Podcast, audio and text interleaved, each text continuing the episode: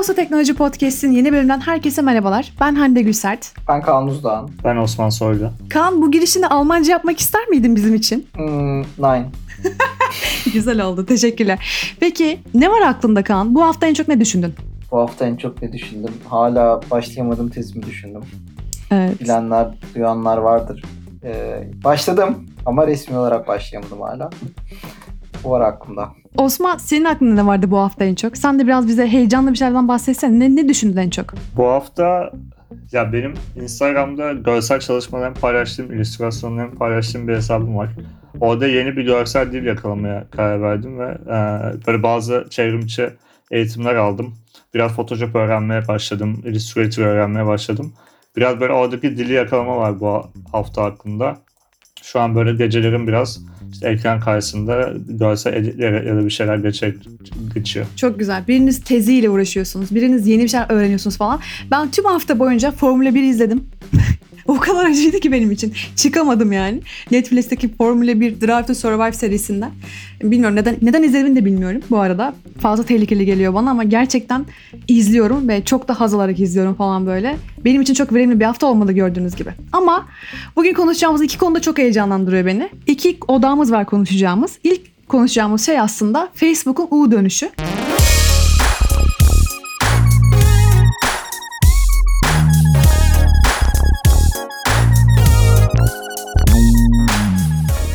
Ki e, biz daha önce bahsettik bundan. Mark Zuckerberg de artık Twitter gibi yani Jack Dorsey gibi bir karar aldı. O karar nedir? Diyor ki artık Mark Zuckerberg de yeni aldığı son cuma günü açıkladığı bir demeçte şundan bahsetti. Artık ben de zararlı içerik olduğunu düşündüğüm postları ve şiddet içerdiğini düşündüğüm, yanlış bilgi içerdiğini düşündüğüm postları etiketleyeceğim dedi. Bu kararı almasını gerektiren bir takım olaylar yaşandı öncesinde. Bundan bahsedeceğiz. Ve sonra bu kararın Facebook'a, ve onun ortaklarına paydaşlarına etkisi ne oldu bundan bahsedeceğiz.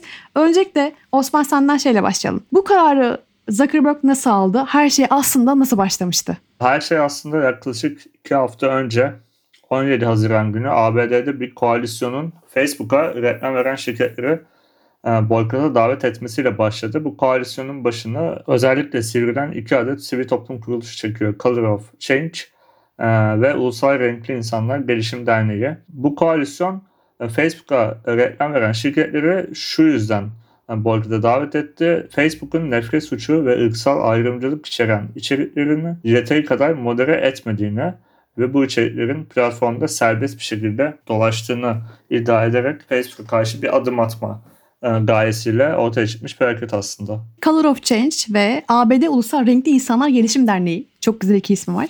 E, bu insanlar beraber bir koalisyon kurarak aslında net olarak bir şey istediler değil mi Facebook'tan? Şunu şunu. Yani istekleri tam olarak şey neydi bu ikisinin? Koalisyon temelde 3 noktaya parmak bastı. Bunlardan ilki platformdaki ırkçılık, antisemitizm ve nefret suçuyla karşı karşıya kalan kullanıcılar için Facebook'un daha fazla destek vermesi. İkincisi yanlış bilgilendirme veya nefret suçu içeren e, bütün içeriklerin işaretlenmesi ve platformdan kaldırılması ve koalisyonun son talebi de Facebook gruplarının güvenliğine yönelik. Koalisyon Facebook gruplarında 150 kişiden fazla üyeye sahip her grup için bir moderatör belirlenmesini istiyor.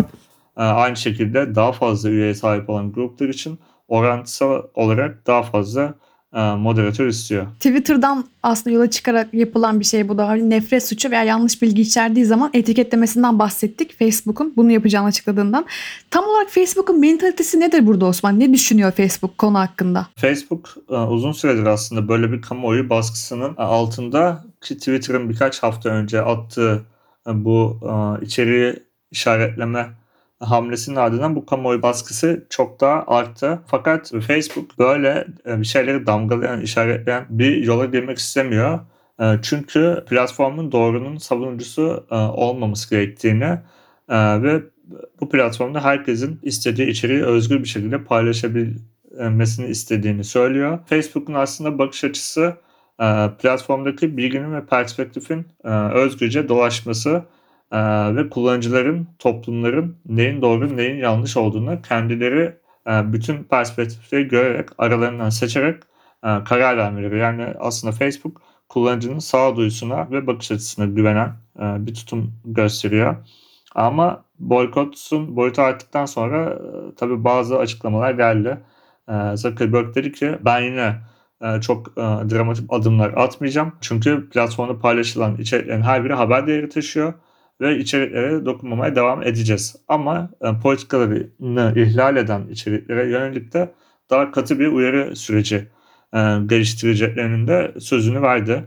E, fakat buna da temkinli yaklaşımlar var. Çünkü bazı insanlar da e, Facebook'un neyi tehdit olarak görüp görmeyeceğine emin olamayacaklarını ya da Facebook'un bakış açısının da hatalı olabileceğini zaman zaman düşünüyor. Şimdi bu boykota aslında destek veren bir takım firmalar var. Mesela Starbucks var, Verizon var, Coca-Cola, Unilever, Patagonia var. Bunlar aslında Facebook'a reklam veren tanıdığımız bildiğimiz şirketlerden ve gerçekten büyük bütçelerle reklam verdiklerini biliyoruz. Yani aslında boykot çağrısında bulunan bu şirketler ve boykota katılan şirketler var bildiğimiz kadarıyla. Bu durumun Facebook'un finansal boyutuna olan etkisi nedir tam olarak Osman?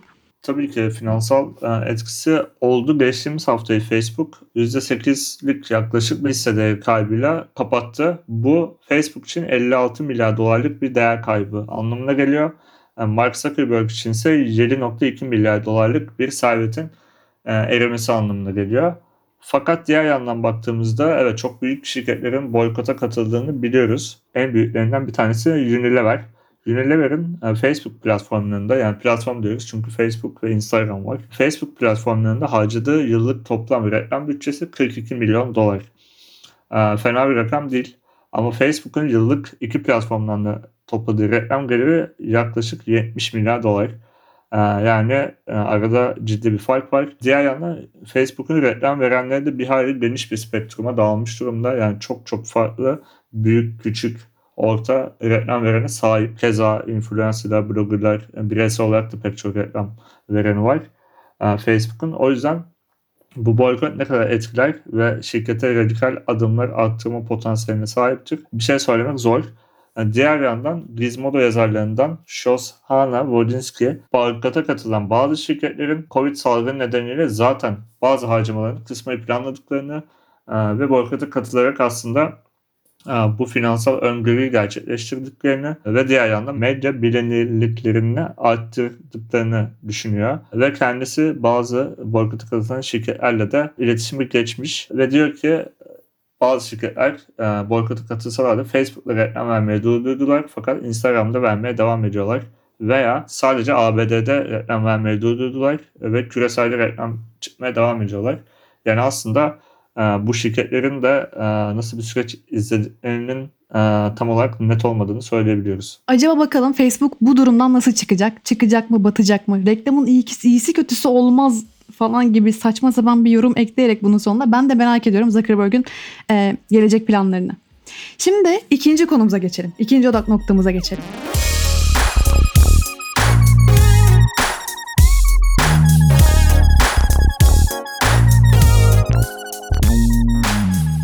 İkinci odak noktamız ise e, Amazon'un Zoox'u satın almasından bahsedeceğiz. Aslında bunun bir üst konu başlığı ise otonom araçlar tabii ki. Şimdi bu konu neden önemli? Yani Amazon Zoox'u satın alması haberi neden büyük bir haber gibi e, hissettirdi? Şu yüzden. Kaan Back to the Future izlemiş miydin? Evet izledim. Back to the Future'ın ikinci e, bölümüydü sanırım. İkinci filminde çılgın doktorla Marty arabaya biniyorlar ve geleceğe dönecekler. 1985 senesinden 2015'e gideceklerdi yanlış hatırlamıyorsam. Ve orada şey diyor Marty diyor ki doktora e, doktor dikkatli ol ama diyor gideceğimiz senede ki yollara uygun bir araçla gitmiyor olabiliriz şu anda diyor. Doktor da diyor ki gideceğimiz senede bizim e, araç yoluna ihtiyacımız olmayacak. Yani e, araçların uçacağından tahmin yani böyle bir böyle bir öngörüsü vardı. Şu anda sene 2020 ve maalesef böyle bir şey yok. Ama Amazon Zoox satın aldı ve bizim bir şekilde uçan arabalar jenerasyonu, uçan arabalar evresine girmiş olma ihtimalimiz nedir sence? Bu haberin bu konudaki etkisi ne olabilir? Yani uçan arabaları biz daha filmlerde görüyorduk genelde ki hala da öyle devam ediyor. Şu an prototip en fazla uçan arabalar görüyoruz işte ya da uçan insanlar böyle jetpackler falan görüyoruz. Ee, ama sürücüsüz arabalar böyle değil. Daha yakın daha doğrusu yakındı. Ee, geçtiğimiz böyle 5-6 yıl öncenin haberlerine, açıklamalarına hatta şirket planlarına baktığımızda 2020 yılında gerçekten sürücüsüz aracı, araçların yollarda olması bekleniyordu. Aslında yollardalar ama hala test ediliyorlar. Bunun sebebi otonom sürüşün daha zor olduğunu fark ettik. Yani teknik açıdan o kadar da kolay olmadığını, farklı komplikasyonları olduğunu fark ettik. Ama yine de e, şirketler yatırımları kesmiyorlar. E, tam gaz devam ediyorlar. Çünkü otonom araç gelişmesi bir tren gibi aslında. Yani tren kaçtı, kaçacak, hadi kalktı falan böyle o arada bir yerde şu an. E, herkes de o yüzden yatırımlarına devam ediyor. Amazon da bunlardan biri. Amazon'da 1.2 milyar dolar gibi bir para verdi. Zoox isimli şirkete Z-O-O-X diye yazılıyor. Kaliforniya merkezli bir şirket Zoox. Daha önce de aslında yatırımlar almıştı Zoox. 3.2 milyar dolar değerlenme sahipti ama şu an 1.2 milyar dolar karşılığında bünyesine katıldı Amazon'un. Bu haber duyulduktan sonra bu sırada yani Amazon Zoox satın aldı dendikten sonra Elon Musk'ın bir e, tweet'i vardı Twitter'da. Şöyle Jeff Bezos'u mentionlayarak Jeff Bezos is a copycat ha ha şeklinde bir tweet paylaşmıştı. Yani Jeff Bezos'un aslında taklitçi olduğunu dile getiren bir tweet'i var. Neden böyle demişti? Çünkü Elon Musk bildiğimiz gibi aslında ikisinin de hem Jeff Bezos'un hem de Elon Musk'ın ortak noktası çok. Birincisi ikisinin de zaten otonom araçlar olan bir tutkusu var. Elon'un Tesla'sı var. Jeff'in artık Zoox'u oldu. Ee, ve ikisi de artık uzaya çok meraklı kimseler. Elon'un zaten SpaceX'i var bildiğimiz gibi. Jeff'in de Blue Origin'i var. Ee, bu yüzden ikisi çekişme halinde diyebiliriz belki de. Sen ne dersin Kaan? Evet yani ama Bezos da buna çok cevap vermedi. Direkt hatta Twitter'da onu etiketledi ama çok da hani bir cevap vesaire görmedik. O kadar medyatik böyle sansasyon yaratmak isteyen bir insan değil Bezos. Zaten yeterince nefret ediliyor. Sanırım çok da ortalıkta gözükmek istemiyor. Ee, ama hani benzer işlerle çalışıyorlar ama sanki Amazon direkt Tesla'nın yapmak istediğini yapmaya çalışmayacak burada. Çünkü Tesla komple bir araç geliştirmek istiyor yani. Hem elektrikli hem otonom bütün e, üretiminin Tesla'da gerçekleşeceği komple bir çözüm, komple bir ürün üretmek istiyor. E, Amazon'un daha farklı amaçları olabilir. Şöyle ki Zoox da aslında bir kullanıcı aracı yani yolcuları taşıyacak bir robotaksi deniyor bunlara. Robotaksi üretmek istiyor. İşte Zoox'un e, prototip araçları var. Ve bu araçları da aslında 2020 yılında test etmek istiyorlardı. Bu araçlar sıfır emisyonlu, elektrikli, e, sadece yolcuların bindiği ve çift taraflı. Yani hem öne giden hem geriye giden öyle aynı da öyle bir tasarıma sahip olan araçlar olacaktı. Ama şirket belli yeterlikleri getiremedi yerine sanırım ve e, bu süreçte de Nisan ayında 120 çalışanını işten çıkarmak zorunda kaldı. Ama Amazon doğrudan bu işe girmek istemiyor olabilir. Çünkü Amazon çok büyük bir lojistik firması aslında. Amazon hem e, teslimat süreçlerini hem de teslimatlarda son mili otomatize etmek istiyor olabilir. Son mil ne demek bu arada? Kaan? Son milden kastımız nedir? Son mil e, şu şekilde normal ulaşımda toplu taşımada son mil artık mesela metrodan eve giden yol olarak geçiyor. Teslimatta da mesela son mil e, dağıtım merkezinden mesela şehrinizdeki ya da mahallenizdeki dağıtım merkezinden evinize giden yol olarak geçiyor. İki ihtimal konuşuluyor genelde. Amazon bir ihtimalle Amazon bu e, son mili otomatize etmek istiyor olabilir. Yani artık sürücülü araçlarla değil sürücüsüz araçlarla yapmak istiyor olabilir. Zaten Amazon'da buna yönelik projeler yapıyordu. E, mesela otonom tırlar, drone ve robot teslimatı üzerine böyle prototip e, değişik denemeleri oluyordu Amazon'un. Hatta daha önce de otonom araçlara yatırımı olmuştu Amazon'un ama bu boyutta bir yatırım ilk defa oluyor. 1.2 milyar dolarlık. Bir ihtimal bu dediğim gibi bir ihtimal son mil teslimattır. Diğer bir ihtimal de mesela tırlar dedim bu yolla e, uzun mesafeli teslimatları otomatize etmek. Zaten otonom araçların da eğer gerçek kavuşursa en çok etkileyeceği yerlerden biri tır şoförleri olacak. Yani tır uzun mesafe teslimat olacak diye tahmin ediliyor. Çünkü hani hem şehir kadar karmaşık e, bir sistem değil. Yani daha düzenli yollar ve ulaşım sisteminin çok büyüğünü oluşturuyor aslında. Bana da şey gibi geldi bu arada Kaan. Yani hem Uber hem de Lyft için aslında bu Amazon'un aldığı bu aksiyon, yaptığı bu yatırım, Zoox'a yaptığı yatırım biraz tehlike çanlarını çaldırtıyor olabilir Uber ve Lyft için. Çünkü neden? Yani Uber ve Lyft'i zaten biliyoruz. Ee, onlar bir platformlar aslında. Kendi araçları ve kendi şoförleri yok. Şoförler aslında onlar serbest çalışanmış gibi e, işe alıyorlar ve bunun için hani büyük paralar harcanıyor iki şirket tarafından da. Ama şimdi Amazon sürücüsüz araç yapacaksa e, ve bu işe girecekse bir şekilde bu iki şirkete belki rakip olabilir. Ki zaten şirketlerin aynı zamanda hem Uber'in hem de Lyft'in yaşadığı bir takım hukuksal problemler de var. Çünkü e, New York ve Kaliforniya eyaletlerinden bildiğimiz kadarıyla o ikisi diyor ki ona hani seni zaten işe aldığın şoförler çalışanların senin. Sen bunları serbest çalışan olarak raporlayamazsın. Bunlara para vermen lazım gibi. Yani hukuksal boyutları da var bunun. Dediğim gibi Amazon aslında bu şirketler için bir tehdit oluşturuyor olabilir. Çünkü zaten hali hazırda Jeff Bezos'un bitmek tükenmek bilmeyen parasının olduğu gibi bir yandan yatırım için e, Zox'un geleceğini. Bir yandan da zaten Amazon hali hazırda 100 milyon üzerinde bir kullanıcısı da var. Hani direkt olarak onlarla yapılan bir işbirlikle hani belki e, Uber ve Lyft'i gerçekten piyasadan silmek için atılmış bir adım olabilir. Silmek sert oldu bu sırada ama böyle bir şey düşündüm. Evet zaten büyük ihtimalle bu işi çözen tek kalemde her şeyi çözecek. Yani robot taksi dediğimiz konsept e, sürücüsüz bir aracın gelip seni istediğin yerden alıp istediğin yere götürmesi. Hani hem bugünün şoförlerine hem e, Uber, Lyft gibi şirketlere direkt çok büyük bir darbe vuracaktır. Çok büyük bir değişiklik yaratacaktır. Zaten Uber ve Lyft de bunun üzerine çalışıyorlardı. E, onlar da belli testler yapıyorlardı. Belli otonom araçlar geliştirmeye çalışıyorlardı. Ama mesela Uber'in 2017 yılında bir kazası gerçekleşmişti. Bir yayaya çarpmıştı ABD'de. Çok büyük olay olmuştu bu ve işte bunun üzerine bütün testler uzun süre durdurulmuştu. Çok da konuşuldu bu daha sonra ki ondan sonra benim bildiğim kadarıyla başka bir kaza olmadı. O süreçte kaç milyon yaya kazası oldu bilmiyorum. Konumuz aslında otonom araçlar Kaan. Senin de bahsettiğin gibi ve Amazon Zox satın alması büyük bir haberdi ama bunun haricinde yani Amazon haricinde diğer markalarla çalışıyorlar konu üstünde diyebiliyoruz. Bunlar kimler? Ne yapıyorlar? Mesela yakından tanıdığımız tabii ki de Google'ın çatı şirketi Alphabet'in Waymo isimli e, şirketi var. Waymo bu işe en erken giren şirketlerden biri. Bu sebeple yüksek mil yani çok fazla yol kat etmiş şu ana kadar Waymo araçları ve çok daha geniş bir filoya sahip Waymo. E, Waymo Volvo ile L4 sınıf araçlar üzerine ortaklık açıkladı. E, L4 sınıfı dediğimiz araçlar da tam otonomunun bir altındaki seviye oluyor. E, yani bu araçlar belli koşullarda, belli yerlerde ve belli zamanlarda e, otonom test yapabiliyorlar. Şu anda mesela Waymo Arizona'da, Amerika'da test etmekteydi bunları. Artık Volvo ile böyle testlere başlayacağını açıkladı. Waymo daha önce de e, Nissan Renault, Fiat Chrysler, Jaguar Land Rover gibi e, şirketlerle ortaklıklar açıklamıştı. Bir diğeri Nvidia ve Mercedes arasında gelişti.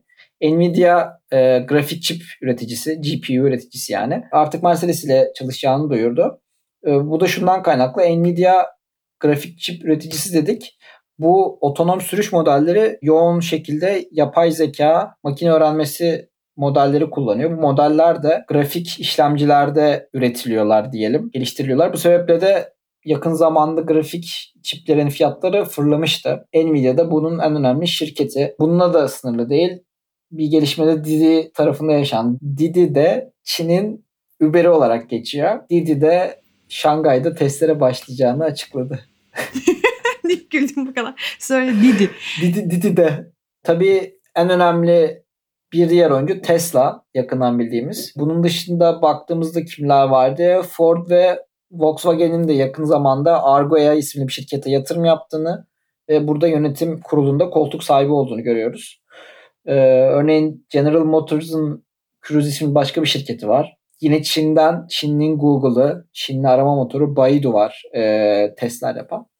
Çok sayıda dünya üzerinde bunun üzerine çalışan şirket var. Amazon'da bu ekibe resmen katıldı diyebiliriz. Çok güzel haberler bunlar Kaan. Gerçekten öyle. Yani dünyada böyle gelişmelerin yaşanması gerçekten insana heyecanlandırıyor ama bir yandan da böyle Türkiye'de yaşamış olduğumuzun bir gerçekliği de var ya. Mesela bunları sen anlatırken benim aklıma gelen şöyle bir cümle var. Maalesef ki ikinci el araba almaya gücümüz yetmediği için sıfır almayı düşünüyoruz şeklinde var olan bir görüş var şu an ülkede. Yani hani bırak ikinci elin çok pahalı oluşunu ÖTV indirimi gelse de sıfır alabilecek miyiz falan gibi bir takım şeyler düşünmeye başladık ama insanlar hani dünya nereye gidiyor sen bunları anlatıyorsun. Ee, o yüzden benim mesela biraz düşündüren kısım burası Türkiye gerçekleri. Bilemedim siz ne düşünürsünüz konu hakkında? Bizim de TOGG arabamız otonom olacak diye biliyorum ben. Elektrikli otonom olacak. Belki bakarsın biz de bu şirketlerden biriyle çalışıyor oluruz. Belki kendi otonomumuzu geliştiririz. Bilmiyorum tam nasıl olur ama.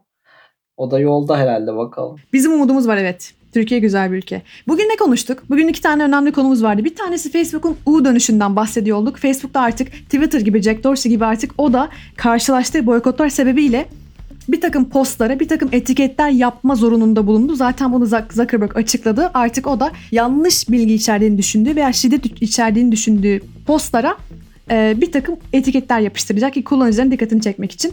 Bir diğer konuştuğumuz konu ise otonom araçlardı ve Amazon'un Zoox'u satın alması e, ortaya çıkan ve bu alana yaptığı yatırımla beraber e, bu alanın nereye gidebileceğini konuştuk Kaan'la birlikte ve diğer markalardan bahsettik. Onların yatırımlarından ve modellerinden, projelerinden konuşuyor olduk. Çok teşekkürler biz dinlediğiniz için. E, Kaan çok teşekkürler. Osman çok teşekkürler. Haftaya görüşmek üzere. Hoşçakalın. Görüşmek üzere. Görüşmek üzere.